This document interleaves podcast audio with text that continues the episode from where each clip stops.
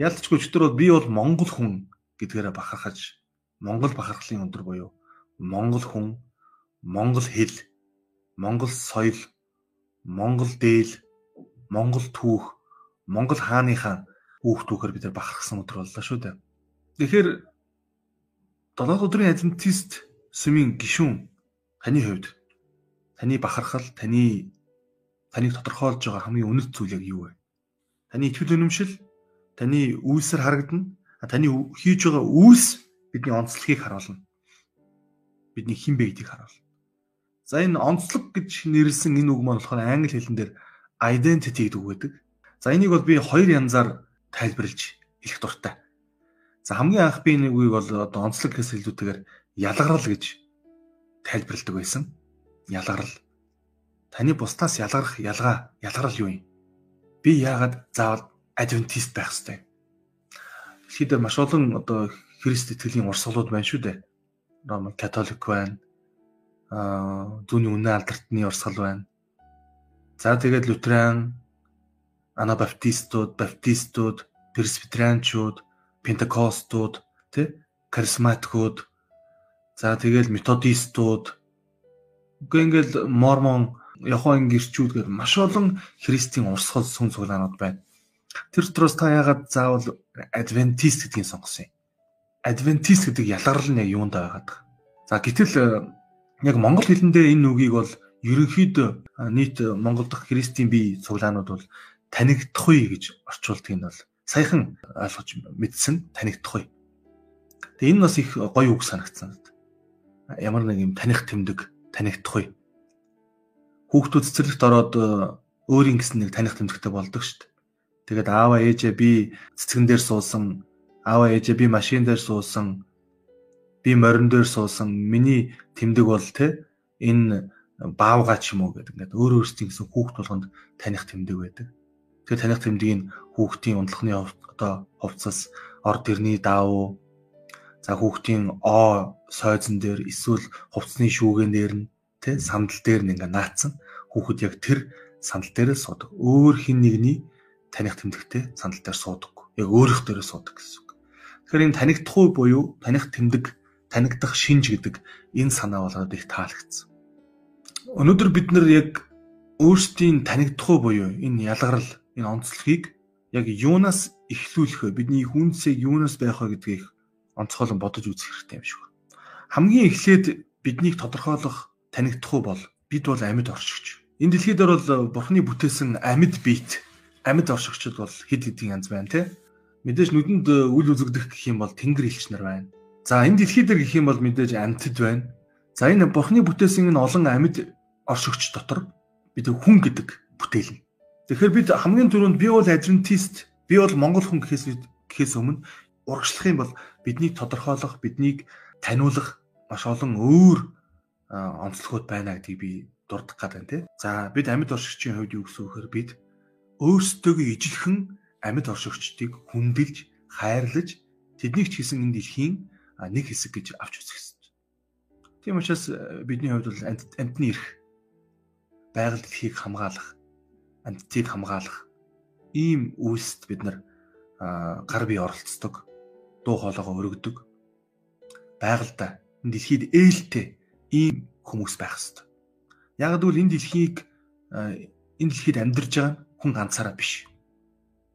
Бурхан хүнтэй зэрэгцэн оршихоор маш олон амьд биетүүдийг бүтээсэн. Төрөл бүрийн амьдтыг бүтээсэн.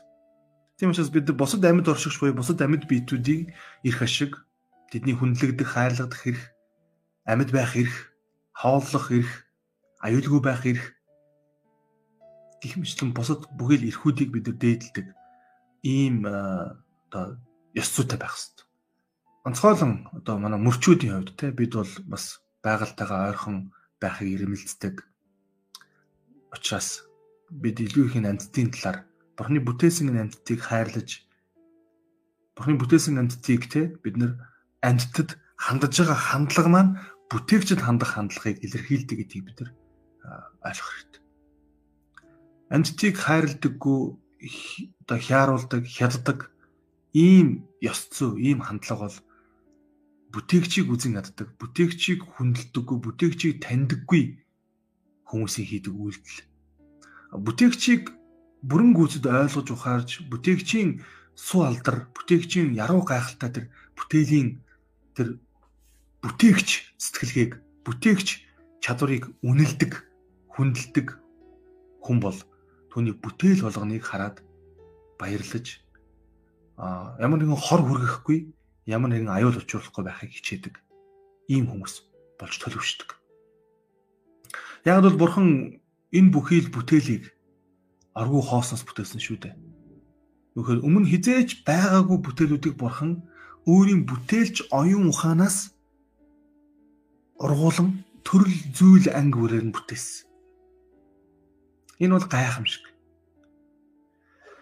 За бид нар хүн Бид нар хүн гэдэг маань нөхөр энэ дэлхий дээр 7 тэр бом одоо бараг 8 тэр бом руу дөгч байгаа хүмүүсийн дэлхий дээр амьдарч байна. Энэ хүн бүр бурхны хувьд үн цэнтэй. Энэ хүмүүс хар байна уу, шар байна уу, Монгол байна уу, хятад байна уу хамаагүй. Энэ бол хүн гэдгээр нь бурхны дүр төрхөөр бүтээгдсэн хүн гэдгээр нь бид нар авч үзэж хандах хэрэгтэй. А нийгмийн энэ тодорхойлолтоор бол бид нар маш олон одоо давхаргад маш олон англилд хуваагдчихж байгаа.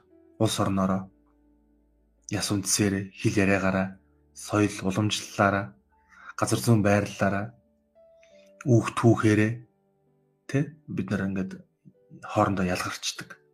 Гэхдээ энэ дэлхийд амьдарч байгаа бүх хүмүүсийг бүгд бүгдийг юу гэж нэрлэдэг вэ гэхээр хүн гэж нэрлэдэг. Монгол хэлэнд бол маш гоё үг гэдэг те хүмүүн гэдэг үг хүмүүн хүн гэдэг үгийг уугарч монгол бичгээр бичгтээ бол хүмүүн гэж одоо галхилдаг шүү дээ. Хүмүүн төрлөختөн гэж хүн төрлөختийг. Англиар бол human гэж хэлж байгаа. Human.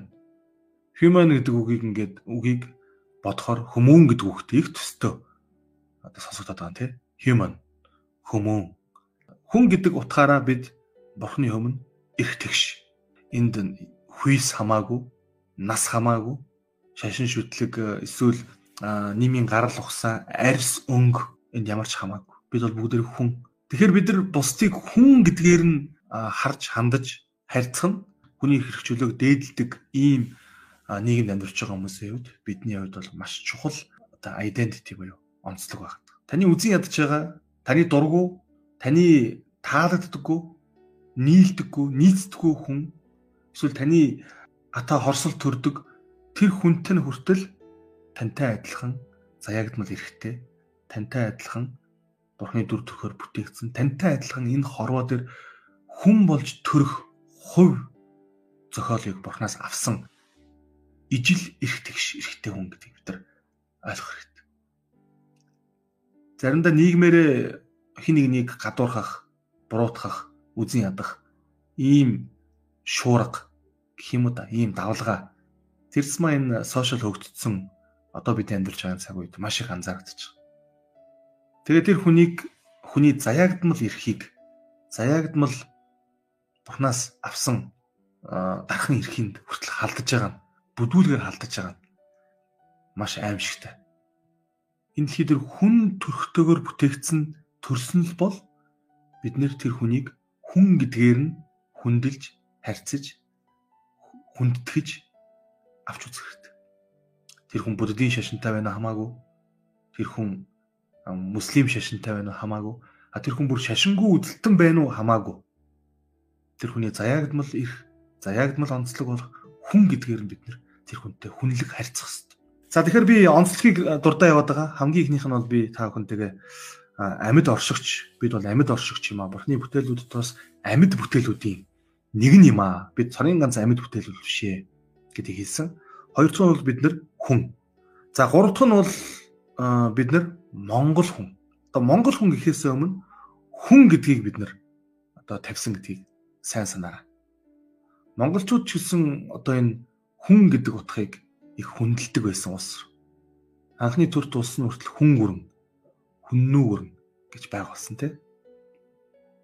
Монгол бахархал гэдгийн өмнө эхлээд хүн гэдэг бахархал бүтээгчээр бүтээгдсэн бүтээгчийн дүр төрхөөр бүтээгдсэн хүн гэдэг бахархал.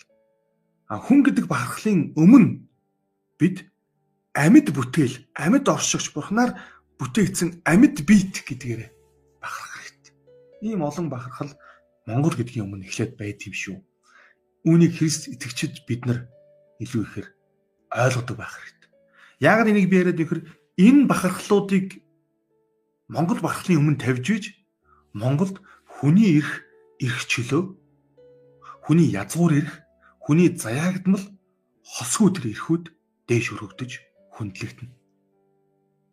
Монгол хүний эрх хятад хүний эрхээс дээр байна гэдэг энэ үзэл а үзлийг л бид нар дэлгэрүүлэх юм бол энэ бол үндсэрхэг үзэл буюу энэ бол бас маш хортой үзэл. Энэ үзлүүдээс бол энэ одоо улбаалж те нацизм гэдэг энэ аюултай одоо нийгмийн үзэгдэл гарч ирж тэгээд э, одоо нэг үндэстнийг бусад үндэстнээс илүү дээр гэж үзээд бусад үндэстнээ дорд гэж үзээд тэднийг хомроглон үе олноор нь устгах газрын хөрснөөс арчих ийм үзэгдэл гарсан. Энэ үзэгдэл бол яавч бурхны хүсэл биш. Яавч бурхан ийм зүйлийг таалдаг. Бурхан хүссэн учраас энэ үндэстнүүдийн ялгарл, онцлог, ондоошлыг бол бий болгосон шүү дээ. Бүгд бурханд таалагддаг. Бурханд таалагдгүй үндэстэн гэж байхгүй. За мэдээж монгол хүн гэдэг нь гэдэг дотроо бид нар бол бид нар монгол хүн гэхдээ бид нар бурхан байдаг гэдэгт итгэдэг монгол хүмүүс. Монгол хүмүүс төр бол мэдээж одоо маш олон төрлийн хүмүүс байгаа. За ерөнхийд нь л одоо бид нэр шашин шүтлэг итгэл үнэмшлийн хувьд бол хоёр хуваачиж болж байгаа тийм. Нэг хэсэг хүмүүс Монголд бол бурхан байдгаа. Тэр нь ямар бурхан байх нь бол хиний хэлжинд хамаагүй. Ямар ч үсэн дээд бурхан дээд оршихуй гэж байдаг. Тэр нь одоо хөх тэнгэр байна уу? Будда байна уу? Иесус Христ нь байна уу? Эсвэл э, Аллах нь байна уу? Хамаагүй. Ямар ч үсэн бурхан буюу э, оршихуй, дээд оршихуй. Бурхан байдагт итгэдэг монголчууд бид бол. За цаана түүнээсээ цаашаа яваад бурхан байдаг гэдэгт итгэдэг монголчууд дотроо бид бол ганц бурхан байдагт итгэдэг монголчууд. За бурхан байдаг гэдэгт итгээд байгаа монголчууд маань бол хоёр багтчихж байгаа. Нэг хэсэг нь бол цагийн ганц бурхан байна гэж итгээд байгаа. А нөгөө хэсэг нь болохоор олон бурхад байж болно зүүнний 99 тэнгэр, барууны 99 тэнгэр гээл те бөө мөргөл бол одоо олон тэнгэрүүд үзлүүд байна. За буддийн шишинд бол одоо бас маш олон бурхтууд байна. Маш олон бурхтуудыг бол чөтөж биширдэг. За тэгтэл бид бол ганц бурханд итгэдэг. За Монголд бол одоо ганц бурханд итгэдэг тэр үнэмшилтэй бол а одоо казакууд буюу манай муслим шашинтангууд байна. За мөн христ итгэгчд байна. Бидний хувьд бол одоо ганц бурханд итгэдэг монголчууд. За бид нар ганц бурханд итгэдэг итгэдэг хүмүүс дотроо Есүс Христ бол тэр царийн ганц бурхан юм аа гэдэгт итгэдэг хүмүүс байдаг бид. За эдгээр хүмүүсийг бол ерөнхийд нь бол Христ итгэгчд гэж бид нэрлэдэг. За энэ Монголд байгаа энэ олон Христ итгэгчид ганц бурханд итгэдэг Христ итгэгчид дотроо бид нар протестантууд. За нөгөө Христ итгэл нь дотроо олон багтсан байгаа даа тий би бас өмнө хэлсэн. Ялгарлын хувьд, онцлогийн хувьд, танигдхын хувьд өөр өөр. Бид бол яг цэцэрлэгийн хүмүүсээр ярих юм бол одоо өөрсдийн таних тэмдэг дээр очиод суух хэрэгтэй. Тэгэхээр протестантууд бол Монголд э, бас олонхийг эзэлдэг. За үнэ алдарт нь ч юм уу эсвэл Ромын католик бол э, Монголд бол харьцангуй цөөх. За протестантуудын хувьд бидэнд яагаад бид протестант болж байгаа вэ гэхээр бид бол одоо Библиэд итгэдэг. Бид Библийг дээд эрх мэдэл юм аа. Библи бол сүмээс дээд эрх мэдлэгэд итгэдэг. Үндсэн гол ялгаа нь тэр байдаг. А католикууд тэд өөрсдийг итгэдэг гэхээр а сүм бол Библиэс одоо төрүүлж үүссэн гэж одоо заадаг. А Иесус энэ дэлхийд ирээд анхны сүмийг үүсгэсэн. Манай эртний 31 онд Иесус загалмаад өргөдөн тэгээд дахин амилж аа үйл хөдлөлөн тэнгэр рүү одоод Пентекостийн өдрийн ариун сүнсийг илгээсэн болгосон. Тэгэхээр энэ цаг үеэс эхлээд анхны сүм үүссэн гэж үздэг. Харин Библи бүхэлдээ ийм ном болсон, ийм судар болсон хугацаа бол тэрнээс даруй хоошоо Библи нэгтгсэн он цагийг судлах юм бол хамаагүй хоошоо байгаад. За энэ утгаараа католикууд юу гэж үзээд байна вэхээр Библиэс өмнө сүм нь үүссэн байсан. Сүм нь одоо эхэлчихсэн байсан. Тийм учраас сүм бол Библиэсээ илүү их мэдлэлтэй гэж үздэг. Тийм учраас сүм өөрөө Библийг засч болно, Библийг өөрчилж болно хүсэх юм бол а Библи дээрээс Библиэс илүү их их мэдлэлтэйгээр сүм тунхаг, зарлиг эсвэл сургаалыг гаргаж болно гэдэг ийм үзэл католикийн сүм католик сүмд байдаг гэсэн. За харин протестантууд бид нар бол одоо sola scriptura буюу Библи ганцаараа. Библи ганцаараа гэдэг. Библи ганцаараа их мэдлэлтэй. Библиэс Библийг давсан их мэдл гэж энэ ертөнцийн байхгүй гэж бид итгэдэг. За мөн мэдээж одоо зөвхөн Библиэр зөвхөн итгэлээр зөвхөн нэгүслэр зөвхөн Христээр гэсэн ийм үзлэр үзэл бол протестантуудын бол одоо суур сургаал. Зөвхөн Библиэр, зөвхөн итгэлээр аврагдана, зөвхөн нэгүслийн дор аврагдана, зөвхөн Христээр аврагдана гэсэн. Энэ итгэлээр итгэдэг хүмүүсийг бол протестантууд гэдэг. Одоо өдрийн ажимт хэлсэн бол энэ дөрвөн суулаг энэ дөрвөн одоо итгэл өмчлөг бол дөрвөлнгийн дагдаг, дэмждэг, хүлээн зөвшөөрдөг ийм сүм. Бид бол 100% протестант урсгалынх. Хин гэдгээ мэдэхгүй бол А би яагаад оршиж байна вэ гэдгийг мэдэхгүй. Хин гэдгээ мэдэхгүй бол би яг яах гэж байгаа вэ гэдгийг мэдэхгүй. Тэгэхээр таныг хинбэ гэдгийг чинь тодорхойлж байгаа тодорхойлт та ер нь юуны төлөө байгаа гэдгийг чинь хэлээд өгчдөг гэсэн үг. Харамсалтай нь бид нар энэ баяр ёслолуудыг харахаар бүх барилдаал тэгэл нэг хөшөө цэцэг залаал Тэгээд нэг одон медаль гардуулаад өнгөрөхөөс биш. Яг би Монгол хүн юм бол би яг юуны төлөө өнөөдөр оршиж байгаа вэ? Юуг ирээдүйд харж байгаа гэдэг энэ харааг монголчуудад өгөхгүй байгаа нь хамгийн харамсалтай байна. Хүнд бол хоёр чухал өдөр байдаг гэж Марк Твин гэдэг хүн хэлсэн байдаг. Эхнийх нь төрсөн өдөр, хоёр дахь нь яагаад төрснөө ойлгосон өдөр яг би юуны төлөө амьдраад байгаа юм бол бурхан яг ч намайг хүн болгож бүтээж юуны төлөө би энэ Монголд тэ тэр дундаа би ингээд мөнх оргил гэдэг хүн болоод төрчих үүдэг.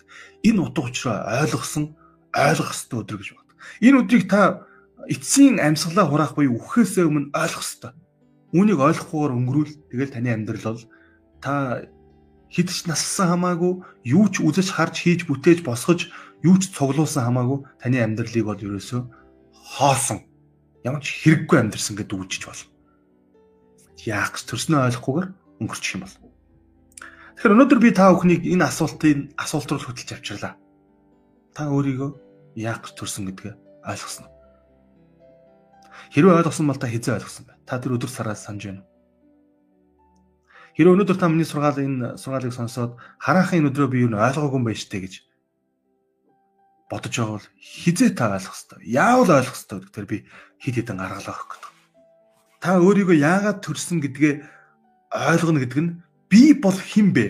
Таны identity буюу таны танигдах уу? Таны онцлог, таны зориг Таны энэ хийдэр төрсэн зориг, бүтээгдсэн зориг, энэ хийдэр ирсэн зориг өнөөдөр хүн болж тий амьд оршигч болж хүн болж Монгол хүн болж тэр дотроо бурхан байдаг гэдэгт итгэдэг монгол хүн болж цорын ганц бурхан байдаг гэдэгт итгэдэг монгол хүн болж тэгээд тэр цорын ганц бурхан Есүс юм а гэдэгт итгэдэг монгол хүн байж тэгээд тэр дотроо протестант буюу зөвхөн Есүсээр аврагдана гэдэгт итгэдэг монгол хүн байж тэр дотроо 7 дахь өдрийн адвентист монгол хүн байгаагийнхаа утга учирыг зорилгыг ойлгосон өдөр чинь хэзээ вэ? Матай номын 3:17-г унших юм бол Тэнгэрээс энэ бол миний хайртхүү түүнд миний таалал оршдог гихт угарсан баг. Бурхан бол Иесусыг яг энэ усан батлаа хүртэхэд нь Иесусийн identity буюу тэр танигдахгүй ялгарл онцлогийг нь Тэнгэрээс лүндэн болгож Тэнгэрээс шузарлсан. Энэ бол миний хайртай хүү шүү. Миний хүү шүү. Түүнд миний таалал оршдог. А гэтэл яг энэ үйл явдлаас хойш 40 өдөр өнгөрөхөд. Есүс 40 хоног цөлд байсны дараа. Матай номын 4-ийн 3 дээр. Соригч ирээ түнд хэрв чи бурхны хүү мөн юм бол? Мөн юм бол энэ чуулгануудыг талах болох гэж хэлсэн. Сатан Есүс дээр ирээд хамгийн түрүүнд түүн рүү дайрсан сорилт юу гэхээр яг үндэ чулууг талах болох биш байсан. Библи уншихаар чулууг талах болог гэж хэлж байгаа мэт харагдана. Ингэж ч бид нар уншдаг. Бас ингэж заадаг, номлодог. Иесийг хамгийн түрүүнд сорьсон сатаны сорилт юу вэ?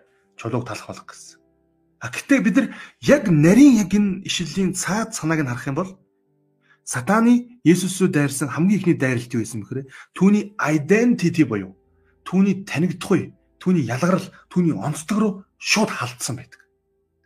Эцэг нь түүнийг усан матхан үртгэд энэ бол миний хайртгүй түүнд миний таалал оршдог гэж ертөнц даяар таниулж ертөнц даяар түүнийг тэ түүний түүний ялгарлыг түүний онцлогийг зарлахад сатан Иесус рүү ирээд хэрвээ чи бурхны хүү мөн юм бол гэдэг энэ асуултыг асууж чулууг талах болог гэж сорьсон сорилтын гол үндэс нь чи бурхны хүү мөн юм бол гэдэг ийм шалгуурыг, ийм тулгалтыг, ийм басамжлалыг а бас ийм сорилтыг Иесус тавьсан гэсэн. Сатаны бидний рүү дайрдаг дайралтын хамгийн гол цэг бол бидний identity. Бидний танигдах уу, бидний ялгарл. Бидний хөвчлэн аа талхыг чулууг талах холго гэж юм. Энэ лөө анхаардаг. Бурхан миний амьдрал руу аюул сорилтыг илгээж байна. Биний миний бизнес бүтэхгүй байна. Миний хайртай хүмүүс маань өвдөөд байна. Тэ? Миний ажил төрөл бүтэхгүй байна. Миний залбирал хариулахгүй байна. Гинтийн гинтийн бүтлгүүтэл азгүй зүйл болоод байна. Манай гэр бүлд бол ийм асуудал гараад байна. Мөнгөний проблем байна гэд. Сатаны дайралтууд, сорилтууд маш ихээр бидний амьдралд ирдэг шүү дээ. Тэгэхээр тэр сорилтуудын үндсэн гол байна юу гэхээр энэ бүхнээр шалтгаалж хагаад таныг яг хин бэ гэдгийг чинь мэдүүлэхгүй. Өнгөрөх. За хэрвээ мэдсэн байгаа тохиолдолд түүнийг чинь мартуулах, сарниулах тэр ялгарл танигдахгүй онцлохоос ухрах, буцах, шантрах, эргэлзэх ийм асуудал руу биднийг түлхэхийг хүсдэг. Үндсэндээ бол сатан хамгийн доотлын модыг сугалдаг гэсэн үг. Та бүхэн мод хаглаад хатааж ингэж дөрвөлжилж тавьж үтсэн л баг. Хүүхэд байхад бид нар маш их мод түлээ хагалж энэ гэр ахуйн ажлыг хийдэг байсан шүү дээ. Би бас маш маш олон удаа түлээ хагалж дөрвөлжилж ингэж хатааж тавьж өрдөөш нь өрдөг байсан. Тэгээд хамгийн доотлын модыг суглана гэдэг нь үндсэндээ өсөхөр тэр өрсөн мод тэр чигтэл нурна гэсэн. Хамгийн зэдлээс мод авал тэр мод тэр өрсөн мод бол нурахгүй шүү дээ. Харин тэр модыг нураахын тулд ерөөсөд нэг үйлдэл хэрэгтэй. Тэр нь хамгийн доотлын мод нэг мод тулгуур модны нэгийг л сугалчих хэрэгтэй. Юм бол тэр мод хазаагаад нураад унна. Сатан яг бидний итгэлийн суурийг согтохыг хүсдэг. Бидний итгэл юунд дэр суурилдаг вэхээр бидний identity буюу бидний ялгарл, бидний танигдхуу дэр суурилдаг. Есүсийн identity юу байсан бэ? Бурхны хүү гэдэг энэ цол хэрэгэм. Энэ мөнхөд байсан. Дэлхийн суураас ч өмнө байсан мөнхөд ч байна. Бурхны хүү гэдэг. А үүн рүү сатан дайрсан. Түүний суйрлуу. Тэгэхээр таны хувьд таны итгэлийн суйр юу вэ? Түүн рүү чинь сатан дайрж тэр суйр модыг суг татаж нурааж унахыг хүсдэг гэсэн. Тэгэхээр би өнөөдөр та бүхэнд Ром номын төгсөлт нь 1-р бүлгийн 14-өөс 16-г хамтдаа уншъя гэж би уриалж байна. Грекчүүд болон бусад үндэстнүүд мэрэгэн болон мунхаг хүмүүсийн хин хинд нь би өртөө гэж хэлсэн. Яохан номон дээр Есүс өөрийгөө би бол гэж тодорхойлсон хэд хэдэн тодорхойлтууд маш олон тодорхойлтууд байгаа хэд хэд биш. Би бол зам үнэн ам мөн. Би бол сайн хончин. Би бол усан үзмийн мод.